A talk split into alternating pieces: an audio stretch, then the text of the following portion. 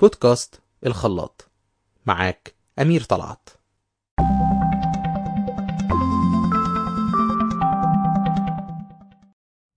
اللهم امنحني السكينة لأتقبل الأشياء التي لا أستطيع تغييرها والشجاعة لتغيير الأشياء التي أستطيع تغييرها والحكمة لمعرفة الفرق بينهما.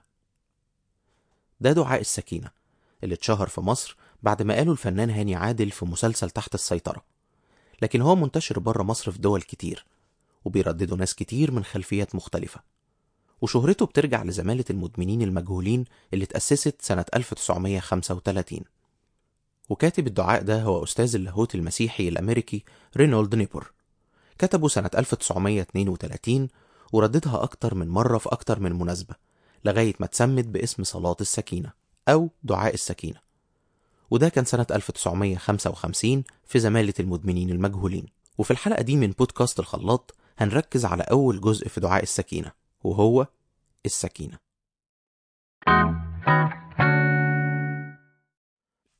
دايما في الكلام عن التغيير وتطوير النفس والشخصية بنسمع كلام كتير من بتاع أنت تقدر تعمل أي حاجة قول لنفسك أنت أسد بص في المراية وقول أنا هتغير.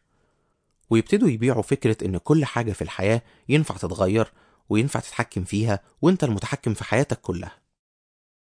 وبعد وقت ومجهود بتكتشف إن ده مش حقيقي وإنك واقف قدام مشاكل صعبة مش قادر تتغلب عليها. يعني مثلا مش قادر تغير عيلتك حتى لو عايش بعيد عنهم بس هم عيلتك في الآخر. أو مش قادر تغير الأحداث اللي حصلت زمان ولسه فاكرها ومحفورة فيك. وخصوصا الأحداث السيئة اللي عايز تتخلص منها. فبتحس بالإحباط وبانهيار أسطورة المسيطر على زمام الكون وتقلب معاك بفشل ويأس وإحساس بالعجز.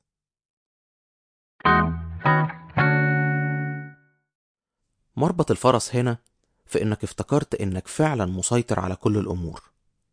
إحنا كبشر بنحب نصدق الفكرة دي لأنها بتدينا إحساس بالقوة والأمان. لأننا فاهمين إننا نقدر نعمل أي حاجة وكل حاجة وجوه كل واحد طاقة يا مهي. وكل التنمية البشرية دي. في مقولة بتقول let God be God.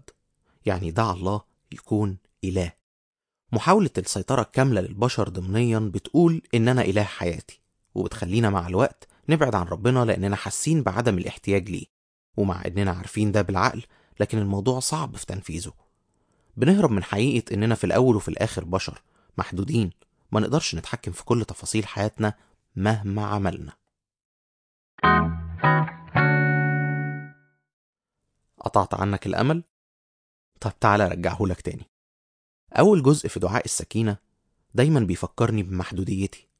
دايما بيفكرني إني ما أقدرش أسيطر على كل حاجة. ما أقدرش أغير طباع الناس اللي حواليا.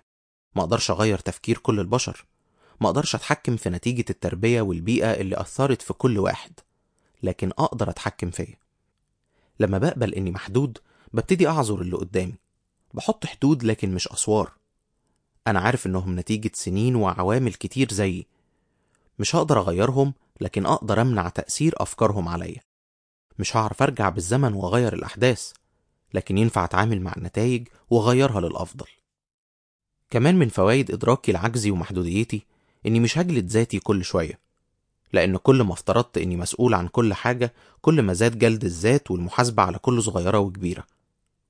طب هل ده معناه إني أكون مستهتر ومش عليا أي مسؤولية؟ أكيد لأ بس هنتكلم عن الجزء ده بالتفصيل في الحلقات الجاية. هنكمل كلام عن دعاء السكينة وهنتكلم عن الشجاعة والحكمة في الحلقات اللي جاية. لكن دلوقت أشجعك تحدد الحاجات اللي أنت حاسس بالعجز قصادها ومش عارف تتصرف معاها. اكتبهم في ورقة لو تحب أو خليهم دايما في ذهنك وادعي ربنا كل يوم.